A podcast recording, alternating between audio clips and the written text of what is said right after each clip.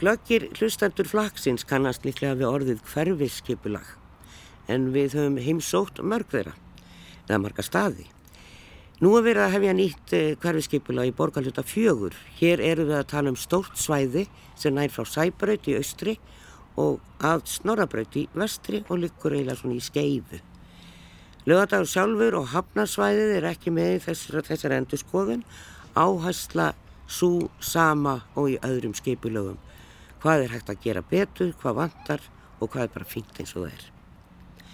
Fyrsta eiginlega byggði í borgarhlutanum hóstum aldamótin 1900. Saltfiskverkun var á kirkjusandi og reysu nokkuð mannvirki í tengsli við hana.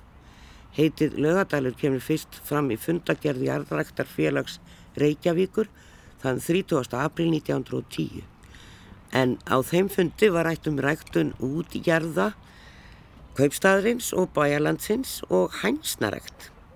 Fyrsta skipulaða útkverfi fjarrri miðjur Reykjavíkur reys í austanverðu Kleppsolti um og eftir 1942. Við Langholtsveg, Kampsveg, Efstasund og nálega götur. Nálaðan við Kleppspítala var einn helsta skýring þess að byggð tók að myndast á þessum slóðum. Lagning ræsis í tengslum við gernýrar vassæðar fyrir spítalan eftir langólsvegi skapaði skeileri til uppbyggingar á sveðinu. Við ætlum að dvelja svo litið við skólamál með gestum okkar í dag í stúdjófi en hér setja skúli Helgason formaði skóla og frístundaráðs og Lilja Sigrun Jónsdóttir læknir frá íbúa samtökunum í Lögadal. En eh, við byrjum sem endranæri að kynna okkur hvað er verið að leggja til og hittum Ævar Harðarsson, arkitekt og deildastjóra hverfiskipulags Reykjavíkur og haldum í lögadalinn. Enn og aftur, já, erum við að fjalla um nýtt hverfaskipulag í höfuborginni og við erum búin að heimsækja Árbæin og Breiðhostið og Bústaðavegin og það hverfi og Skiphostið fórum við og við erum búin að vera með ánum Ævari Harðarssoni arkitekt sem er yfir þessu öllu saman hjá skipulaginu og uh, þetta er gríðarlega vinna. Það sem við ætlum aðeins að setja niður fót hér er að kíkja á síningu sem að reyndar er búið að taka niður þegar þeir hlusti góði flustendur því að uh, hér í, uh, undir stúkunni þar sem að ímislegt fer fram meðal annars bókamarkaður og annað, þetta er nýtt þetta húsnaði er gríðarlega mikið af allavega uppsöngum og spjöldum. Skulum alltaf aðeins hérna lengra að það var er, hér eru skólakrakka búin að vera að koma og, og með sínar hugmyndir og þau eru nú sko aldrei stölu, hér eru heilu flekarnir að miðum um eitt og annað sem þau myndu vilja sjá. Þau eru búin að smíða hérna mótel af sínu hverfi, þetta eru þau búin að vera að dunda við í skólanum en þetta er borgarhluti fjögur, laugadælugur, skilmála, eh, einingar, hverfis skipulag stendur hér á vegnum Já. og þetta er nú ekki eftir krakkana, þetta er frá ykkur í borginni og einhvern veginn þegar ég var að lesa mig til um þetta og skoða þetta, ég er nú ekki búin að lesa hvert einasta orð en, e, en svona fór ég yfir þetta og handa hlaupum og mér finnst einhvern veginn af því ég er nú búin að fara með þér í mörg hverfi og, og þá finnst mér þetta einhvern veginn vera svo rosalega víðfemt og, og, og fjölbreytt, þetta er svo ólíkt. Já. og svo erum við náttúrulega með lögadalinn sjálfan hérna inn í miðjunni sem að verður nú ekki trópla við í þessu, það er bara annað deiliskyplag. Já, já, já, nei, þetta er, þetta er sálsögð fjölbreytt og, og, og, og margvíslegt og að þetta blandast bæði mjög nýlega byggðin í þetta og svo tildulega guðamul byggð eins og í lauganessinu, sko. Já. Eh, en við skiptum þessu í þessu, þessari vinnu sko í þrjú, borgarlættarfjögur í þrjú hverfi sem við kallum sko lauganess-hverfi, eh, langkólskverfi og svo vogakverfi. Já. Og eh, hafnarsvæðið er fyrir utan, það er sérstaklega deiliskypla fyrir það og svo er laugadalurinn sjálfur eh, sérstaklega deiliskypla. Við erum sérstaklega núna í, getum við kallað þetta, fyrsta fasa í samráði við íbúa og þessir samráðsfasar eru þrýr. Það sem við erum bara að byrja með aukt blað, bara, er, hérna eru fyrst og fyrst svona upplýsingaefni sko fyrir íbúana og skólabönnin eru þar með talinn og við erum sérstaklega bara byggja um góðar hugmyndir um það hvernig við getum gert þeirra hverfi betri og hvað vantar í hverfin og, og, og það er svona verið að, að eins og við erum að, að að gera í Árbæ og Breitholti og Háaliti sumarbústöðum og hlýðum að svona uppfæra hérna hverfin til, til e, og gera þau vistvætni og, og, og betri þannig að þetta er, þetta er svona alls konar upplýsingaefni sko. Það sem er kannski ólíkt hér er að það er verið að byggja og þróa ansi marga lóður hér í þessum borgarluta. E, Vogabögðin er, er hverfi sem er nú að rýsa mjög hratt og er samt ekki alveg búið. Kirkjusandur. Hérna Já. Þessi sérstaklega þróunareiti. Eru bara mjög margir hérna, þeir eru mest sko í jæðrinum. Það er náttúrulega borgartúnið og, og túnin eru með í þessu. Það er þarna, það er til dæmis hérna gamla slátufélagshúsið sem í Já, rauninni li- li- Listaháskólinn er, já, er, já. það er, listaháskólinn er að flytja, skilst mér, í eitthvað annað húsnæði og þá þarf að finna þessu, þessu bæði húsnæðin og lóðinni sem er ekkit sérstaklega vel nýtt, nýtt hlutverk. E, og síðan eru, eru hérna, vogabygðin er að hluta til inn í þessu og, og svo er náttúrulega Su- Suðurlandsbreytin og laugavegurinn það sem er að koma borgarlína, þannig að þetta er, svona, þetta er mjög margvíslegt sko. Og svo er hérna blómavalsreiturinn og, og sem er nú búið að vera að tala um lengi að ég byggja á, það er náttúrulega ekkert þar, þarna var bara var búð og, og, og, og svona gróðurskáli. Já, já, þarna er ein mynd af því. Já, já, nákvæmlega, því að þar er líka vilja þeir sem eiga hóteli, stakka hóteli, niður á Grænsansvægi og, og, og, og skeifana öll er þarna undir. Já, já, já, Þannig að það er annar þróunareitur.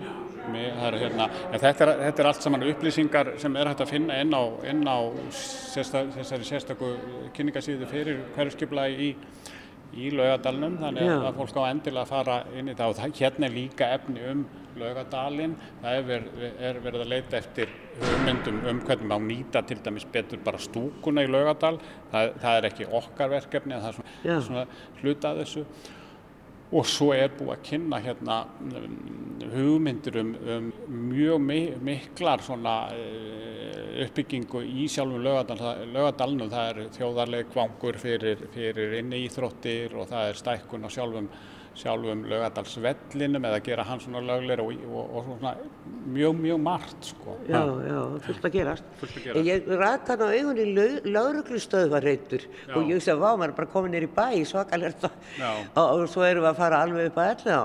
En hérna, hvað, íbúðir, verslun og þjónusta. Mhm. Þarna er lögustöðunum bara með fullt af bílastæðum þarna á bakveg, þeir þurfa náttúrulega pláss fyrir sína bíla. Já, já. En, hvaða lóði verið að tala um þar eiginlega? Já, það er bara það, það, það, sá lóð þar sem lögreglustöðin er í dag vegna þess að það er, er á planinu að sameina sko slökkulið, almannavarnir og lögreglun og höfuborgarsæðin og flytja hana á stóra lóð þarna inn í, inn í Sundahöfn. Já, það er nefnilega það, þannig að lögustöðin þarna á hlemmi, hún bara fer, hverfur. Já, já. Og þá þarf að finna, finna eh, sagt, samhliða því að það er verið að byggja plem og, og, og að finna þessu húsnaði einhver, einhver not og við okkur náttúrulega vantar íbúðir og það vilja e, margir búa svona miðsvæðis eins og við hlem sko. Já, já, já. Þetta getur verið mjög, mjög spennandi svæði þar sko. Já. Þannig að það er mikið framundan og hérna, Svo það er er, hérna, svo eru hérna skólarnir sko, ég var að nefna við það, það eru fjóri skólar í borgarhlutanum, það er laugalækjarskóli og e, laugar nesskóli sem eru hérna rétt hjá, langkórskóli og vogaskóli og það, það, það, þeir, þeir sko, e, þeir eru í húsnæðisvandræðum allavega laugalækjarskóli, laugarnesskóli og langkórskóli, þannig að það, er svona hluta þessu að, að að sjá það aðeins fyrir og það er inn í þessu kynningarefni okkar upplýsingar um, um sem sagt eh, ákveðin svona ákveðna sviðsmyndir sem að getu, getu hugsað, hugsað sér í því sambandi og það er verið að leita eftir sjónamiðum íbúa á því sko. en að því ég með þér hérna, Ævar, þá spyr ég þig líka því það er uh, um það er svona uppbyggingareitina, Já. þróunareiti, það er, eh, er búið að taka ákvörðun um að hérna, orkureiturinn, það sem að, uh, já, orkuhúsið eða eins og fólk fara að kalla það hús sem kennileiti allavega, E, þar á móti hefur verið talað um á, við Söðurlandsbreytuna hotna á Grænsósvegi að verði byggð, e, byggðar íbúðir. Er, er búið að taka ákvörðun um það? Nei, það er ekki búið að, að, að, að taka ákvörðun um það. Það er svona hluti af þessu sem er, er verið að sína í, í laugadals þessu skipulagi. Það er hann að reytur nummið 15 sko. E, e, það er svona verið að skoða er hægt að gera eitthvað með fram Suðurlandsbreytinni, Laugardalsmegin, það hefur verið ákveðin anstaða við það en, en þarna er ekki mikil, þetta eru svona hálfgerð tún þarna sko, þetta er ekki beint gardar sko. Þetta er ekki svona eiginlega hluti af þessu útvistasvæði, en það, það menna að nú vera, það hefur verið rækt á þarna svolítið, fólk hefur fengið ræktunareiti og, og sömulegis eh, svona frisbee eitthvað já, og já. En, en sko það, það er náttúrulega, við erum mjög upptekinn að því að vera ekki að, að ganga á einhver raunveruleg grænsvæði eh, sem, sem er ekkit allt og mikið af sko en, en, en sund má, má nýta náttúrulega betur sko. Já, já. Og hérna í kringum sko á þessu svæði kringum eh, Laugadalsvöllin og fleiri svæði eru gríðarlega mikil bílastæði sko sem má já. alveg skoða sko, þau, þau er ekkert voðalega mikið nýtt svona dagstælega sko. Nei, hvað með, hér er náttúrulega gríðalegt bílastæði hérna já, já, við e, þessa stúku. E, og þú sagði mér aðan að, þau væri vilt ekki nýtt þegar það er fótballleikur sko, þeir, þeir segja mér það KSI menna að, að þeir svona bara hleyp ekkert inn á þau vegna þess að það verður bara svo mikil umferðar eh, hérna, teppa, teppa sko Og, og þannig það er svolítið að skoða ég veit alveg sérstaklega svona uppáhaldsplakat mitt hérna, það er bílastæðarplakat það er upplýsingar um bílastæði það eru 178.400 bílastæði í borginni svona lausleiri talningu Já. þannig það er tölvöld fleiri bílastæði heldur en íbúar í borginni Já, hugsaður. Við hefum alltaf verið góð við bílinn. Alltaf verið góð, sko. Já, og já. það eru, eru, fá þeirra eru gjaldskæð, sko, talaðum hérna gjaldskildstæði, sko. Já. Já, já. Þannig að þú sérð hérna mynd á þessari mynd hvað þetta er mikil lóð, mikil já, lóð og mikil svæði sem eru, eru með bílastæðum sko. Já, já, það er satt. Og þetta er í rauninni alla, alla alveg frá þannig við lögadalslögina með fram hérna með fram vellinum og alveg niður að sundlögin sko. auðvitað þarf að hafa góð bílastæði það, það, það... En það má kannski hugsa líka að, að flutnir og trúa að hlutinni breytist með borgarlínu og, og, og þá fer hún hérna fyrir ofan eh, Suðurlandsbreytina og það ætti að vera auðvelt fyrir fólk að komast en það er ekkert eins leðilegt að koma tónleikum eða íþróttaleik og bara taka klukkutími að komast út af stæðinu. Nákvæmlega, já. sko ef þessi þjóðarleikfangur fyrir inn í Íþróttu verður byggður hann við hliðin á uh, eh, lögadals uh, þá er hugsunin svo sko, eins og ég er að skilja þetta að, að það, það verði, fólki verði meira meina hleyft þarna frá mjög central borgarlínustöð og bara á efri hæðina í þeim þe þe þeirri höll en það er náttúrulega ekki búið að taka neina ákvörðunum um Nei, það er einn hugmynd Það er einn hugmynd sko. En svo er náttúrulega líka bara spurningum að byggja eitt bílastæða hús ja. sem að hérna, það, er... geti, það væri sagt náttúrulega þetta að vera ansið stórt Já, já, en það, það er oft mörguleiti mikið betri plásnýting sko, og svo ef, ef bílastæða þarfinn að breytast, þá má þá alltaf breyta sko, bílastæðahúsun í eitthvað annað sko. mm. en bílastæða kjallar er erfiðar að, að, að, að nýta í, í, eitthvað annað sko. Aðeins að segja ykkur hér góði hlustendur að hérna gjaldskild stæði í Reykjavík eru 7185 Þau sem eru ekki gjaldskild er 171.215. Takk fyrir. Fólk er alltaf hvart undan því að þau þurfa að borga í stæði. Þetta er nú ekki mörg stæði sem það borgi. Nei, þetta er ekki mörg stæði. Nei, nákvæmlega. En það er ekki, það er bara, þú veist, hinn eðlilegasti hlutur þegar maður fyrir út fyrir landsteinana að maður þarf að borga í stæði. Nákvæmlega. Já. Já, hugsaði þér, 178.400 stæði í Reykjavík. Já, já. Ótrúlegt. Já. En við ætlum að rölda þessu út og við ætlum að fara hvert, Ævar? Ég, mér finnst við ætlum að fara hérna niður, niður í lögalæk og kíkja þar á svona hverfis, eh, vísira hverfis kjarnar. Það er eitt af þessum verkefnum í hverfiskipulegum sem við erum að, að, að svona, að erum mjög upptekina. Það er hvernig getum við byggt upp góða staði sem fólki líður vel í sínu hverfi og getur náði í þjónustu. Hm. Kíkjum aðeins ángað. Gerum það. Okay. Já, við býðum aðeins með að fara á laugalækin og heilsum upp á Skúla Helgason, borgarfjöldrúa á formann skóla og frístunda, ráðs og Lilju Sigrúni Jónsdóttur lækni sem er formaður íbúa samtaka lögadals og saði mér á þann að þetta veri eldstu samtök íbúa samtök í bænum, er, er það rétt? Ég held það. Það er kannski spurning með hlýðarna, hvað þeir náða að vera á undan okkur. Já, já. já. E, sko, sumir hlutar að þessu hverfi eru mjög, er mjög rótgrófið og bara búið að vera lengi til og allir innviðir eru til staðar. En svo náttúrulega fyrir að vera að byggja svona mikið eins og vogabygðuna sem er mjög stór og svo náttúrulega þarna kirkisandi. Þá fer að vanta skóla, veslun og þjónustu. E, skólamálin eru kannski svona brínust Skúli, þú veist allt um þetta. Já, skólamálun eru alltaf brínust í mínum huga, reyndar sem, sem jafnaðamadur, þetta er svona tækifæri til þess að einmitt, jafna stöðuna, snemma á lífsleginni til þess að hérna, sem flestir og allir geti látið drauma sína rætast. En það er rétt hjá að lýsa að það er mjög mikil gerjun í þessu hverfi og, og mjög spennandi tímar framöndan. Mikið af þjættingareitum, nýbyggingarsvæði eins og vogabiðin og síðan í næsta nágræni ártúnsöðin þar á eftir. Og, og við erum auðvitað huga að því að byggja bæði leik og grunnskóla í vofabiðinni, nýja hverjunu, en svo, eru, svo er klár þörf fyrir stækkun sérstaklega þessar að þryggja skóla sem voru í umræðinni hjá ykkur ævari hér áðan. Lögan er skóla, langkóltskóla og lögalækja skóla aðeins mismikið svona, meðal þessar að þryggja en sérstaklega í langkólts og lögan er skóla er, er menn komni talsvett yfir það sem að svona eru skilgreint þolmörk þessa húsnæðis. Þannig að það er mjög brínt að, að hérna, fá niðurstöð í vinnu við það. Og það er búið að leggja heilmikla vinnu í það að teikna upp svona mismjóti sviðsmyndir og valkosti við, við uppbyggingu á þessum skólum. Og, og þeir valkostir einar þrjár sviðsmyndir sem að, sem að hérna, sitja eftir af átta valkostun sem voru í umræðin á sín tíma. Að þessar þrjár sviðsmyndir eru núni í umsagnaferðlu og verið að leita eftir sjónamiðum frá íbúum frá uh, frá sagt, svona hagsmunarsamtökum fóreldrasamfélaginu og ekki síst nefendum hafa bara núna í dag sérstakur stór fundur með nefendum úr öllum þessum þreymur skólum og kalla ja. eftir þeirra viðþórum þannig að við erum mjög spennt í pólitíkin að fá, fá svona að sjá þau sjónamenn sem er að koma út úr þessum ja. þessari vinnu allir. Má sá nú, þau lögðu nú ímislegt til þarna, mm. heilt stór vekkur með með svona uh, litlu miðum þar sem að krakkarnir voru búin að skrifa hvað þau vildu. Um, Lilja, hvar býr þú í hverfinu?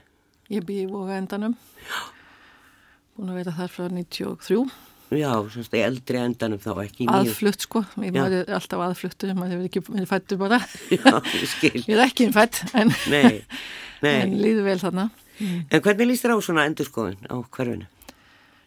Ég held að þetta hverfarskipula og þessi vinna sé mjög mikilvæg fyrir þetta hverfi því að það er náttúrulega mjög, uh, það er ótrúlega blanda þarna af bæði grónum sagt, hús, húsum og, og, hérna, og svo þessi mikla þétting sem hefur verið og ég hjónu eftir því að skúli hérna, talaði um náttúrulega vogabygð og, og það, þá þéttingu en af því að við höfum nú haft nóg að gera í íbúrsamtökunum að, að hérna, skrifa umsagnir um deliskiplasbreytingar vegna mm. þéttingar að þá mann ég þetta nú kannski bara, þá er þetta mjög fest í mínum huga en það er náttúrulega kirkjusandurinn og blómavalsreiturinn, það er það sem er kannski svona stóru hérna, póstatni sem eru komni nokkuð vel af, á legg, getum við sagt, þannig að fólk flutt inn og, og börn komin og túnin hafa auðvitað byggst upp líka Það er líka hérna, vandi varandi skóla, aðgengja skóla og skólahúsnaði og hérna og súbyggð er einmitt mjög mikil blanda af gamlum húsum og svo nýjum eh, fjölbyrjshúsum. Mjög stóra blokkir þarna, fjölmennar. Já, já, mjög stórar og, og mikilvægt að ná utanum þetta, þennan hverfi sluta að, að þeim bræða þetta saman í, í, í svona líflegt mannlíf. Já sem það ánú samt að geta gert því að þarna er náttúrulega, já, það er bara fjölbreytt fjölbreytt samsetning íbúið þarna. Já. og mikilvægt að hlúa vel af þeim, þeim endanum. E, svo hérna, já, svo erum við náttúrulega bara áskaplega mín upplifunum einstakosti, ég er náttúrulega eh, búin að vera fórmaður núna í í nokkur ára og mínu upplifun á íbúum er að við erum bara stolt af þessu hverfi og við viljum gera gott hverfi betra. Uh, við höldum útimarka árilega mér líður eins og ég sé búin að vera fresta jólunum núna í tvígang að ég hef ekki geta haft hérna útumarkaðin en það er margt gott þarna en það þarf að huga að þessum, þessum hérna úræðum sem að þurfa að fylgja þéttingu byggðar Já. og auðvitað áður en að var fært að byggja svona mikið eins og núna er búið að gera þá voru skólanir okkar allir í vandraði með aðgangað íþróttahúsnaði sem er grátlegt búandi með hérna lögadalinn í faðmennum Já, nákvæmlega. En þetta er náttúrulega hverfi ef að þann eiginleika bara. Þú veist að fólk eldist, börnin fara, eldra fólki fyrir út og ungt fólk kemur inn og börnin kom aftur. Og þetta er nú kannski svolítið erfitt þegar maður er að stýra skólamálum. Það eru náttúrulega badnegna spár og, og svo er þetta ekki, já, sérstaklega mikið núna í fyrra. Mörg börn sem fættust og þá er þetta alltaf að fá einhvern rísa árgang. Eh, hvernig er þetta þarna í þessu hverfi? Er, er einhver mikil enduníun? Fyrir utan sko þessa þjættingu líka bara í gamlebyðinni. Já, og, og við sjáum það mitt stolti vel ef við svona horfum á sko yngstu börnin sem eru á leikskóla aldrei bara frá, frá eins ás og upp í sex ára að þar, þar er einmitt þörfin fyrir sko ný leikskólarými mest í lögadalum í þessu hverfi og, og við höfum verið að mæta því núna í einmitt með hliðsjóna þessum breytingu sem hafa verið á mannfjölda þróuninu og mikillir sprengju í fæðingum í fyrra og fyrir sjónlega aftur á þessu ári Já, þá höfum við verið að stækka þá aðgerða á allum talsveit mikið, það er nú verið tvöfaldana og laugadalurinn mun sérstaklega njóta þess. Það er að koma einir fimm nýjir leikskólar í laugadalum, fjórir eiga að opna þessu ári og eitt er viðbútar á næsta. Þannig að við erum að sjá nýja leikskóla koma upp í, voðabiðinir, endar í svona ævindiraborg sem verður svona uh, bráðabirða úræðið þar til að nýji stóri leik- og grunnskólinn opnar. Ég er tóltið gaman að þessu orði ævitraborg, þetta er svona tóltið skraut.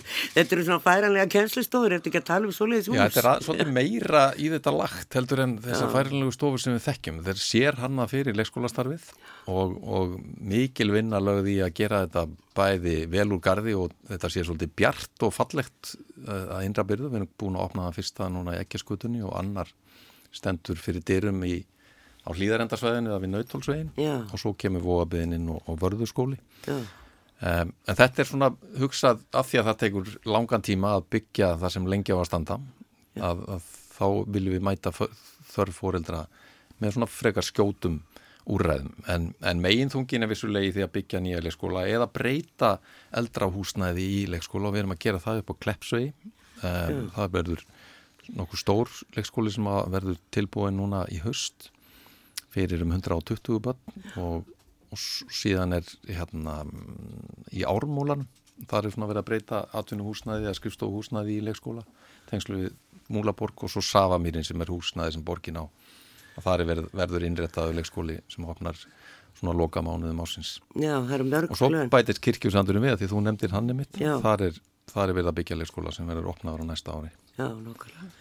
E, ég heyrði einhvern veginn að þarna í voðaböðinu nýja þá var í skólinn út að lítilega eiga þarna, e, semst austan við e, götuna niður við sjó og það er brúð þar yfir og skólinn er þarna út á eigu. Hafa þessi plön staðist, veistu það? Já, þetta er svo sem allt á frum stíi. Þarna verður farið í hönnunarsamkeppni, þannig að við hefum eftir að fá eh, alvöru tillögur sem að verður byggt á þegar að þessi mannverki fara að rýsa. En, en það stendur til að hún eh, verði eh, framkvæmd á þessu ári, þannig að við svona hillir undir að við förum að sjá útlínutnar á því hvernig þetta mun allt saman lít út á endanum. Við rættum þegar við vorum á leiðinni í lögalækinni og, og ævar þá vorum við að ræðum að eitt af því sem kom þarna fram væri að það væri mögulega byggðu skóli þarna við Reykjavegin, þetta er ekki Reykjavegur sem gengur þarna nýra sundlegavegi e, og nota þá eitthvað þessu bílastæði og hérna sem að þessu stóra bílastæði undir það en e, en vissu það væri svona mörg bílastæði í borginni Nei, mér fannst gaman að þessu 200.000 töl- tölfræði. Já, já, þetta er, sko. tölvöld fleiri en íbúa borgarinnar sko. Reykjavík þetta hlutfall náttúrulega hefur komið fram þar að segja að af borgarlandi séu undir gatnakerfinu og Já. ég hef nú kannski stundum horst til þess þegar að mannum þykir þrengt að umferð af því að það er nú ekkert nýtt fyrir okkur að, að þekkja bæði mikla umferð og að vilja kannski hafa ásöku á hvar hún fer fram, á, fram hjá okkur. Já, einmitt. En þetta er, já, bí, bílinn þegar ég geti rætt um það alveg bara í klukkutíma. En Þetta er svolítið það sem er, svona, sem er mjög gaman sko, að pólitíkin er svolítið að snúast um þetta sko, viljum við taka svona mikinn hluta af borgarlandinu undir bílastæði eða, eða getum við komið þeim fyrir þar sem þau eru ekki eins svona frekt til fjárins þó að auðvitað þurfa menn áfram að nota bílinn og allt það að þá er, þá græða allir á því. Ef að fleiri nýta sér almenni samgöngur, fara hjólandi og, gangandi og, og maður finnur það á einn skinni að maður er farin að nota miklu meira fjölbreytnina þarna, þannig þarf ekki alltaf að fara á bílum þó að hann sé til á heimilinu heldur, heldur hérna, nota hann sparlega en, en fara í stræt og ganga og fara á hjóli og svo framvegist þetta er, þetta er bara lífsgæði sem að hérna, og losna menn við hafa verið að taka meira í, í fangið og í Já, sátt undanfærin ár sem ef er maður er frábært. að ganga í hlýðunum þá kýs maður að ganga einhverstaðar annar staðir enn á miklubraut. Til dæmis og bara kringlum mér að brautin hér og, og, og það er, þetta er rosalegu umferð. En við leysum það ekki hér. Við ætlum að bregða okkur aðeins á löguleikin með honum Ævari Harðarsinni Já, þá erum við Ævar komin hérna inn í uh, einn á lögalæk, lækirnir, þessar götur hérna og hér eh, sem að margir vita hefur alltaf verið svona smá verslunar kjarni. Hérna er frú Lauga búin að vera bara ansi lengi, hún sjá satt með einum eldstu verslunarnu hér. Uh, hér var lengi 10-11, núna er það krambúð eins og allar 10-11 búðunar eru orðnar. Aðeins meira úrval en kannski pínu og ódýrara en ekki mikið. Það vantar, það var sá þá einu miðan en það var einhver af börnunum sem var að byggja um bónus frekar en krambúð. Og uh, hér er pilsumeistarinn, eða pilsugerða maðurinn, segjum við nú bara. Uh, alveg frábær uh, pilsubúð, hann er kjötuinaðmaður sem að rekur þetta á og er hann með bara dýrindis mat. Bröð og kó er komið hér en það verður alltaf verið bakari á þessu hotni, bara lengi, lengi vel og þetta er náttúrulega nýtt fyrirtæki hér. Og svo verðlistinn gamli sem að K.K. gamli og hans kona rákuð til margra ára, það er komið kaffi lækur. Þannig að hér er allt komið í rauninni sem að gæti verið góð vísir að, að hafa bara torg líka. Já, já, já, já. já Þetta eru bara bílastæði náttúrulega. þetta er bara bílastæði, sko. En þetta er svona dæmigerður, vísir að, að hverfiskjarna og bara ágætiskjarni. Þannig Já. að það, það er hérna, eru hérna búðir, það vantar meira þessa maturubúð og, og, og eh, sem fólk getur þá lappað í heldur en að, að, að keira. Það, það er svolítið langt í, en auðvitað á að koma hérna út á kirkjusans reitnum, það það er á að koma búð, sko. Já, já, já, já, þannig að fjölgar nú ekkert smá íbúðum þar. Fjölgar þar, Stórar blokkir á Já, kirkjusandi. Já, já. Það er byrjað að laga hérna göttuna og, og, og, svona smá vísir að torgið er komin hérna djúbgámar en það mætti gera meira sko, nú veit ég að sko reytir sem eru náttúrulega öflugir öflugir hérna fastegna eigendur og, og að þeir eiga eitthvað af þessu, kannski ekki allt, kannski allt bara húsnæði hérna þetta vestlunarhúsnæði þannig að það væri áhugavert að ræða við þá um hvernig mæ- mætti styrkja þennan kjarna enn betur. Þannig að hann yrði, yrði ennþá skemmtilegri og, og þjónaði íbúin betur. Á hérna bara einnar hæða byggingar hérna. Það er, það er svona líkillin að styrkinga á hverjum fels svolítið í því að þú ert með þjónast og erðhæð og, og getur kannski bætt við einhverjum eh, einni, tveimur þreymur hæðum við og verið með íbúðir sko. og svo mætti alveg hugsa sér einhvern veginn að, að, að gera meira torg úr, úr þessum bílastæðum sem eru hérna sko. Nákvæmlega, en þau eru náttúrulega inn á þessari lóð sko. já. ha. En það er náttúrulega, fólk sko skýst á leiðinni heim úr vinnu og, kemur hér og leggur og kaupir hjá pilsugerðamanninum og frú laugu. Uh, þá lífrænt að ræktað og hollan og góða mat. já, já, nákvæmlega Já, en hérna mætti sem sagt búa, sko við, það er náttúrulega erum með þetta kaffi lækur hann hinn megin já, e, það mætti búa til svona ja, e, hérna, skjólbetra torg hérna sko. Já. þannig að það væri hægt að, að, að sitja úti og, og, og vera með það eru viðburðir hérna sko, en, en eins og ég segi við erum að, erum að leita eftir hugmyndum hvernig getum við gert þetta en þá betra, betra Já, sko. já, já, já. Ha. Þetta hús sem að þarna er ísbúðin líka, laugalæk og, og þetta er eins og þetta sé arkitekt að teiknað hús, þetta er, þetta er svona þrýr hlutar og svona stallað já, já, með ská, með halluð þakki. já, Um, já, það er, þetta, þetta er svolítið langt segðan þetta var byggt, það var marga búðir farið hér í gegn. já, já, þetta er frá sjö- sjötta áratögnum sko, frekar en sjönda sko, ég, e, þetta er alveg dæmigerður svona stíl frá þeim tíma. Það var, var tölvert um svona stöllu þök sko, eins og þetta. Það voru skólar byggðir með þessu og þá var að vera að hleypa ljósið þannig inn á ofan. En, en ég veit ekki alveg hverju teknaði þetta, ég get, get fundið út úr því sko. Já, Ha. það er bara, ég var að pæli að því að þetta er svona ská, hallandi þök, það var eftir að byggja vona á þetta, en það er, þá er þetta líka orðið spurning um burð og, og burðarþól og allt það. það þarf að skoða svona húsnæði sko, ef, það á að gera það. En sko byggðin hérna í kring er fleikar láreist, sko, þetta eru svona e, tvær og þrjár hæðir og hérna er, er, er hérna fjölbýlishús e, upp á einu og fjórar hæðir, sko, þannig þetta er allt mjög svona e, Þetta er mjög penn. pent, sko. En ég tók eftir því þegar ég, við skulum alltaf aðeins hérna út af Kaffi Læk, að kaffihúsi sest eiginlega ekki hérðan. E, þá sé ég að það er sko verið að leifa blokkir sem að gætu verið sjö og jafnvel áttahæðir. Sem að er, já, ég veit að ég er bara á móti þessu, þetta þekka bara fram. Ég, veist þess, eins og þessi hérna fjagra hæða blokk hér, Já, sko þetta er eiginlega hámark í, í sólarlösu landi, svona meir og minna allt árið. já, já þetta, er, þetta, það má ekki vera mikið hærra en þetta, sko. Nei. Það má ekki vera það, sko. Nei, en það er, þær eru náttúrulega, bara þarna út á kirkjusandi eru þær tölverk mikið hærri. Já, já, Nei, sko hér er, sjáum við bókverk, myndlist og annað, já, já. frend og vinir, við lofum engu. Nei, nei, nei, nei. þetta er flott.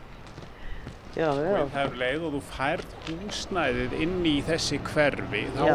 kemur svolítið svona lífið, sko. Ha, þú þarft að skaffa húsnæði sem er, er hægt að, að, að og, og, og, og svona styrkja þetta með, þetta styrkir hvert annað, sko. já, Ha. já. Nú er það nú aðeins að gjóa gjó á gluggan hér. Það heyrist í litlum unga hér í, í vagni. e, hér eru greinilega mæður að koma saman með nýburuna sína og spjalla. En e, já, það, hér er bara komið þetta fína kaffihús sem er, hefur greinilega gengið. Það er Já, ekkert já, já. alltaf sem þetta gengur. Og, Nei, nei, en fólk hefur þakklátt fyrir þetta. Og, Já, já, ég Já. syns þetta ganga bara fínt, sko. Ef við förum hérna út á hot, þá komum við hvað á laugarnesvegin, eða ekki? Sem að verður, eru mikla breytingar að gerast í rauninni með Hallgerðargötu sem er þarna á bakvið, Já, já, sem er nýja gatan í, á kirkjusandslóðinni og uh, Sko, þetta var hérna einu sinni bara út í sveit. Já, Það já, já. eru hérna alls konar hús, sko, Já. sem, sem er búið að byggja við og, byggja við og allavega, já. og sko, fæði minn hann er, er, er, uh, hans fyrsta heimili var hérna, uh, afi minn byggði eitthvað að þessum húsum, Já, já, minni mig, og svo fluttuðu niður á já, hann vann í gasstöðinni, sko. já, já, Þá var þetta bara langt út á landi og til dæmis í laugar, laugarni skólinn, hann var í rauninni bara út í sveit, sko. En svo, svona breytist þetta, sko. Já, svona, og núna er að gera svo mikla breytingar. Já, Þannig að það er verið að staldra við og skoða þessi hverfi sem eru bæði ný og gömular og koma fullt nýtt inn í hverfin, já, já. meðal annars hér. Og ég sá sko Íslandsbankahúsið sem að kirkjusandur sjálfur, eða Já, það sem að já. var nú Já, já, í upphafi. Fallegt hús sem er búið að klæða með álplötum sem ég var nú aldrei hrifin af hvað var gert við þetta hús. Það var, nú skilst mér að arkitektstofan Kurt og Pí sé komið með þetta í hendurnar já, og uh, þeir byggðu nú Marsalhúsið og endur byggðu það og ákala fallega og hérna og þeir, ég gæti ekki lesið annað út úr þessum texta en að þeir ætla að endur gera gamla húsi Ok, já, það er náttúrulega frekar öflugt burðarvirki í þessu Já. húsi, ste- steypuvirki, sko. Það ve- frekar vel steift á þessum tíma og þurfti að bera mjög mikið af því þetta var atvinnu starfsemi, það voru mikil, mikil þingsli inn á þessu. Og hérna, ég þekk ekki þær hugmyndir en, en, en, en það var eh, talað um að það væri, þetta væri vill að farið hús út af miklu, segja einhverjir. En Það verður mjög spennandi að sjá hvað, hægt er verður að gera já, þar. já, já. Svo er náttúrulega hitt hérna, eh, hérna SS húsið sko, það sem að lísta háskólinni það sem listaháskólan er, það býður upp á, eða það svæð upp á heilmikla möguleika sko. Það er nú svo skrítið hús að það er einhvern veginn það er algjört völundarhús og mjög erfitt að rata þar Já, já. og allavega salir og, og, og svo er náttúrulega búið að stúka af heilmikið þar inni fyrir skólan en e, Þetta er náttúrulega byggt sem kjötvinnsla sem aldrei var notuð sem Já. kjötvinnsla og síðan e, e, er hluta þessu eftir því sem ég skils bara geimslur og svo hefur lista áskólinn verið þarna ákveðin hluta á honum í þessu húsi sko. þar heyrir maður líka af miklu.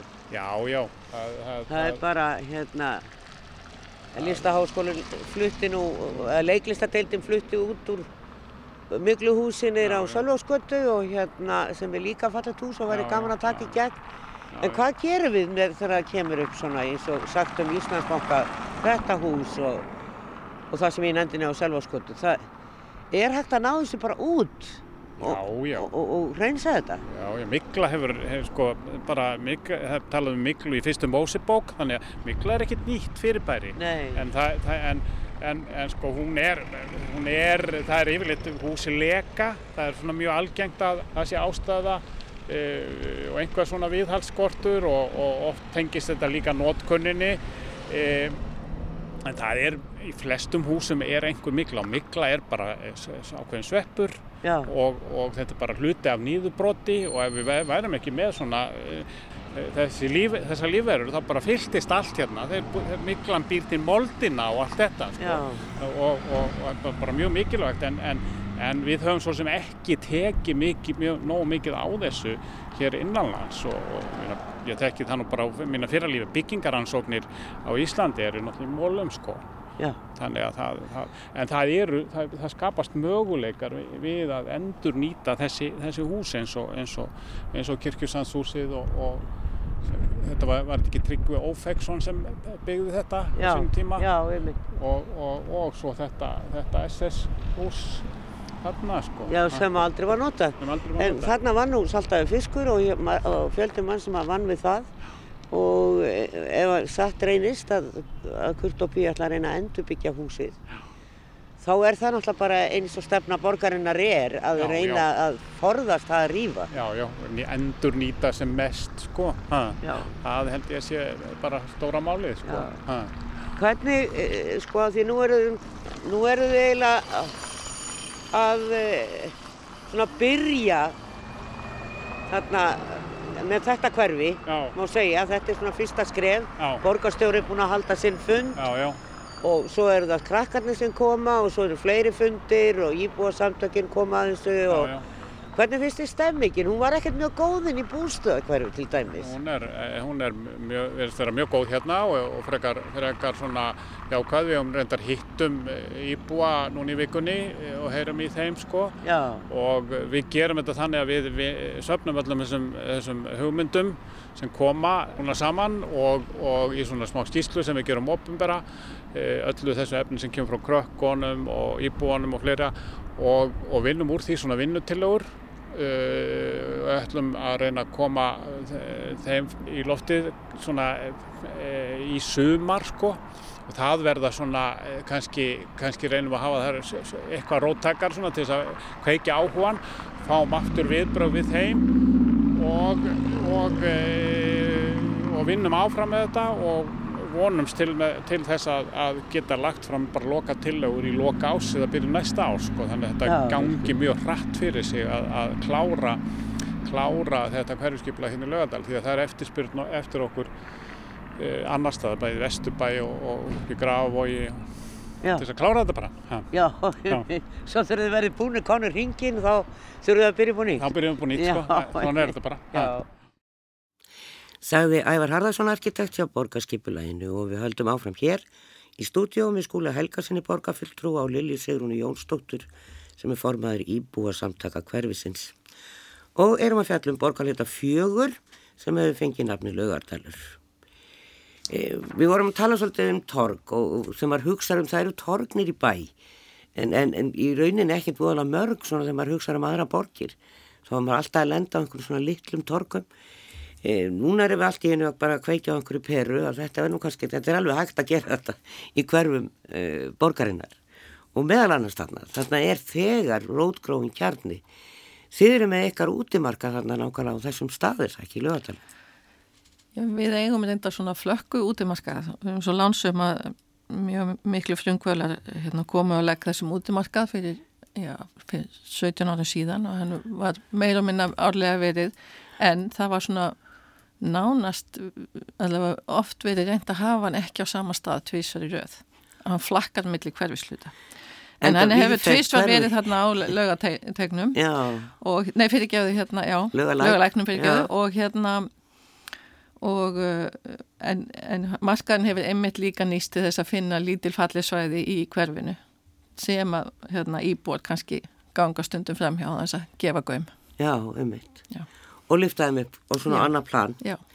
En e, það er náttúrulega útivistasvæði þarna í laugadalum er besta útivistasvæði í bænum, laugadalurinn. Uh mhm. -huh. og, og þannig er, en er fólk í hverfinu með huga við það að fá fleiri að því að hverfið er svo viðfemt mm. eða þessi borgarluti já, já er, er eitthvað verið að tala um það og, já, það er, já, vissulega það, það, við höfum nú alltaf haft svona augun á laugadalnum og reynd að tala fyrir því að, að venda grænusvæðin þar og eins og æfur kom nú inn á og, og hérna og svona tala fyrir því að vera ekki að ganga á landsvæði þar eh, sem sagt að óþörfu Uh, þetta er svæði sem allir vilja vera á og auðvitað þar með líka þeir sem þurfa einhvers konar skipulaða aðstöðu. Uh, það hérna hefur verið og það var tjómust 2015 og haldin fundur um dalinn þar sem íbúar voru töluð út frá því að hvað var ósattu við hvað mörg svæði væri beinleginnins læst og lókuð fyrir nótkun almennings. Afgýrst til sérstaklega rafnóta Kostar, kostar, kostar inn, inn fjölskyldugarðurinn til dæmis og, en þannig er auðvitað perlan okkar græsagarðurinn sem við öll hérna, sækjum orku í reglulega en hérna, mörg önnu svæði eru, eru útlutað til sér afnóta mm. og uh, við höfum talað fyrir því að það uh, eigi að hugsa um að loka ekki nema þess turfi yeah. og sömuleiðis að þá er þetta veðursæl, mjög veðursælt svæði og mikil synd að, að hérna, taka það undir allt og mörgar byggingar. Mm. En það er náttúrulega staðið til að byggja þjóðarhallarna og eh, sem að er að því við erum með ólaglega velli bæði inn og úti og, og það getur sko enda með því við þurfum að fara með alla landsleiki út úr landinu mm. og myndum ekki keppa hér heima, ég held að það verður nú enginn til í það. En e, það búið að vera eitthvað reyptók á myndli borgar og ríkis um þetta var löngrein í kjarnanum um þessi mál og, og nú er borgastjóri og borgin, eh, borgastjórnin búin að setja afarkosti við ríkið til að fá mánuð til að fjármagna þessar hugmyndir sem er búið að vera ræðið í mörg ár. Já, mér finnst þetta ekki verið afakosti, mér finnst bara að skipta máli á svona, að svona stórmála sem að hafa líka mikil áhrif og aflegginga til dæmis fyrir þetta hverfi, fyrir bara íþrótta, yðkun, barna og ungmenna ekki síst og skóla, íþróttur og fleira það er mjög óþægilegt ef að það, þau mál og svo nöðsynlega uppbygging sem þarf að eiga sér stað þar ef að það er í læstri stöðu út af því að, að þessi málefni með þjóðarhöll og þjóðarleikvang dregst og dregst og dregst árum saman Já, það verður við að tala aðalega um þrótt og árumann Já, já, já. það líkur fyrir og líka aðstæða fyrir uh, skólana í, í hverfinu, þar er íþrótt aðstæðan mjög af skornum skamti verður að segjast og hérna bara mjög brínt að að leysa úr þeim málum hér fyrsta. Þannig að ég held að það sé bara mjög mikilvægt að segja, sko þetta er ekki afarkortir, þetta, eru, þetta er afstæða sem að borgarstóri kynnti í samhengi við það að, lofar sem hafa verið gefin að við um ráð þeirra í ríkistjóninni um að klára þessi mál, þau hafa ekki, hérna, þeim hefur ekki verið fundin staður í fjármála áallum sem er nú svona þessi rétti staður til þess að tekna upp að minna finnst hver eru áform ríkistjóðnarinn í ríkisfjármálum og fjárfestingum og svo framvegis. Já. Það gerist ekki í síðustu fjármála áallun og í þeirri sem var að byrtast núna er, er ekki heldur útlistað með hvað hætti þetta að gerast nákvæmlega. Þannig að borgarstjóri kynnti það einmitt að gefa þessu þá tíma til fyrsta mæ að ríkistjóðnin síni þá á spilin og ef að það gerist ekki þá fari borgin bara fullt í að byggja íþróttaðarstöðu fyrir þau félög sem eru þarna á svæðinu og, og leysa þá úr þessari þessum hnút. Já, og ég stið það auðvitað 100% það er bara mjög mikilvægt að koma þessum málum á reikspöld í fyrsta. Já eins og til dæmis langkóttskóla það er ekki bara byggður á sveipjum tíma og melaskóla þetta er orðið og það er löngu búið að byggja við melaskóla. Uh, og ég man sko gamlu íþróttasalitnir í, í þessum skólum, þeir eru mjög litlir. Þeir eru Já. það og, og hérna aðeins bara því að þú voru að tala með mitt grænusvæðin og svona langa með aðeins að nefna það sko, ég held að, ég er mikill talsmaður fyrir því að nýta svæði, að vera ekki að byggja á grænusvæðin en kannski auka virknið þeirra og svona möguleika fyrir fólk að, að bara að vera þar Já. í vestubænum þar sem að ég bý er þetta merkilega fyrir bara í Hagatorg sem er einhvers stærsta ringtorg ekki bara á Íslandi heldur Norðurkveli bara í, í heiminum, í heiminum. og loksins núna er svona myndast samstæðum það að nýta það sem almennískarð og, og hérna það sem að Lilja var að nefna einmitt varandi lögadalinn er bara talar inn í þessa sum, þennan sama veruleika að, að reynum að tryggja að aðgengi sé, sé fyrir alla og einmitt að menn þurfu ekki að bunga út stórum fjárhæðum. Já. en þetta er auðvitað mikið hjarta í borginni lögadalurinn og öll þessi svæði grasagarurinn eh, klárlega og fjölskyttu hústrækarurinn er þetta margið með frábæra minningar þaðan og við höfum svolítið talað fyrir því getum við nýtta enn betur. Þannig að frístundin, kannski yngstu krakkarnir getu einhverju leti verið þar á því svæði mm. um, sem að býður upp á rosalega skemmtilega mögulega þetta er staði sem allir krakkar elska að koma á Já, hvað segir þú? Það er nefnilega með sko Íþróttuhúsin og Íþróttastöðu barna í hverfinu, það er búið að vera alveg gráðlegt allt og lengi og mun lengur heldur en rauninni um, og það byrjaði að löngu áður en að kirkjusandur var hérna, komin á tegnibáli því að þessi skóla er allir með, með hérna, sem þú nefndir, allir með mjög lítil ísótt og hús Já. og það er búið að vera stefna börnunum úr þessum skólum í hérna, húsnæði þá sagt í dalnum sem svo yðurlega er, er tekinn fyrir síningar eða eitthvað slikt og þá falla niður tímar þannig að þetta er ekki kvetjandi fyrir krakkana. Þau hérna, enda því miður þá hafa kannanir sínt að jábel þó að þessi bara búi við hliðin á Íþróttaperlu landsins að þá er þeirra aðgengi ekki gott og Íþróttaiðkunin hefur ekki verið há, nógu góð. Já, vandar samvinni millir KSI og eða þeirra sem stjórna þarna og, og, og skóla yfirvalda í borginni. Þannig að það sé hægt að leysa þessi mál. Þetta er, er lítið Það snýst um afnóta húsum sko. Já, já. og húsin sem, sem þegar starf sem er fyrir inn í húsin einhverja síningar eitthvað slíkt, þá falla niður tíma já, það. Er það sem þetta snýst um, ekkit annað. Þetta er svona ákveðin forgámsuðun sko sem að þarna byrtist, ég held að mm. Bara eins og með svo mörgunni mál, þarna þarf bara að styrkja svolítið samtalið á milli og finna lust sem, sem fyrst.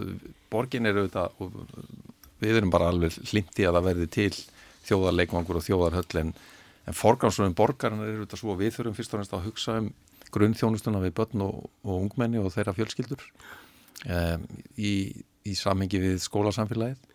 Þannig að við viljum sjá þessi mál komast að hefingu en, en borgin hefur alveg verið ágætu samstarfi við ríkið um það að gera það sem að hún getur gert og leggin þau mannverki sem að þarna eru á, á reikning borgarinnar.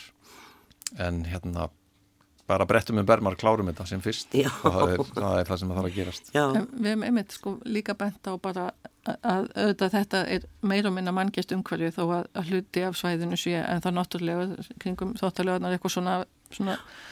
En þá auðvitað er þetta líka okkar að vera alltaf vakandi fyrir því er þetta ennþá að þjóna umhverjunu eins og við viljum? Hvernig viljum við hafa þetta? Ég meina fyrir 50 árum og þá var teiknað vegur eftir endurlöngu lögadalunum og svo ótt að keira holtaveginn þvert í gegn yfir á grænsósveg sem betur fyrir gengur þessi áform ekki eftir og ég held á hverjum tíma í hvers getur sem fyrir mig framkvæmdi þá eigum við að hugsa ef að það er einhver húsnæði sem þarf að fara endun í að þá á að fara, fara af staðs og hugsun er þessi stað sem er best staðsett þarna eða þetta nú verið eitthvað stað annar staðar? Mm. Og hérna að því að þó hlutir hafi verið byggðir í lögadal eitthvað tíma, það er ekki þar með settu þurfa að vera þær alltaf. Nei. Menn hafa nefnt stúkuna við sundlaugina sem er Já, svona merkilegt mannverki sem hefur nýst afskaplega lítið. Það er bara svona eins og slátufélagshúsið, hún hefur aldrei verið notað eh, sko, yfir það hús, þar hefur listaháskólinn verið með leiklistina og, og myndlistina Nú búið að ræða um það þau eru á sex stöðum held ég lista áskólinn í borginni. Veistu eitthvað um þau skólamál? Það, kemur, það er ekki á þinni kannu þó. Nei, nei, en, nei. en, en þar hérna hafa menn svona tala fyrir því að eiga mitt gott samstarfi við ríkið um að lista áskólinn fái sitt heimili hérna í gamla tollhúsinu í Tryggvagutunni og, og það er svona það sem er nýjasta frétta í þeim málum. Það væri mörguleiti mjög, mjög góðlust og, og ég veit ekki betur en að það sé unnið að því að koma því í kring.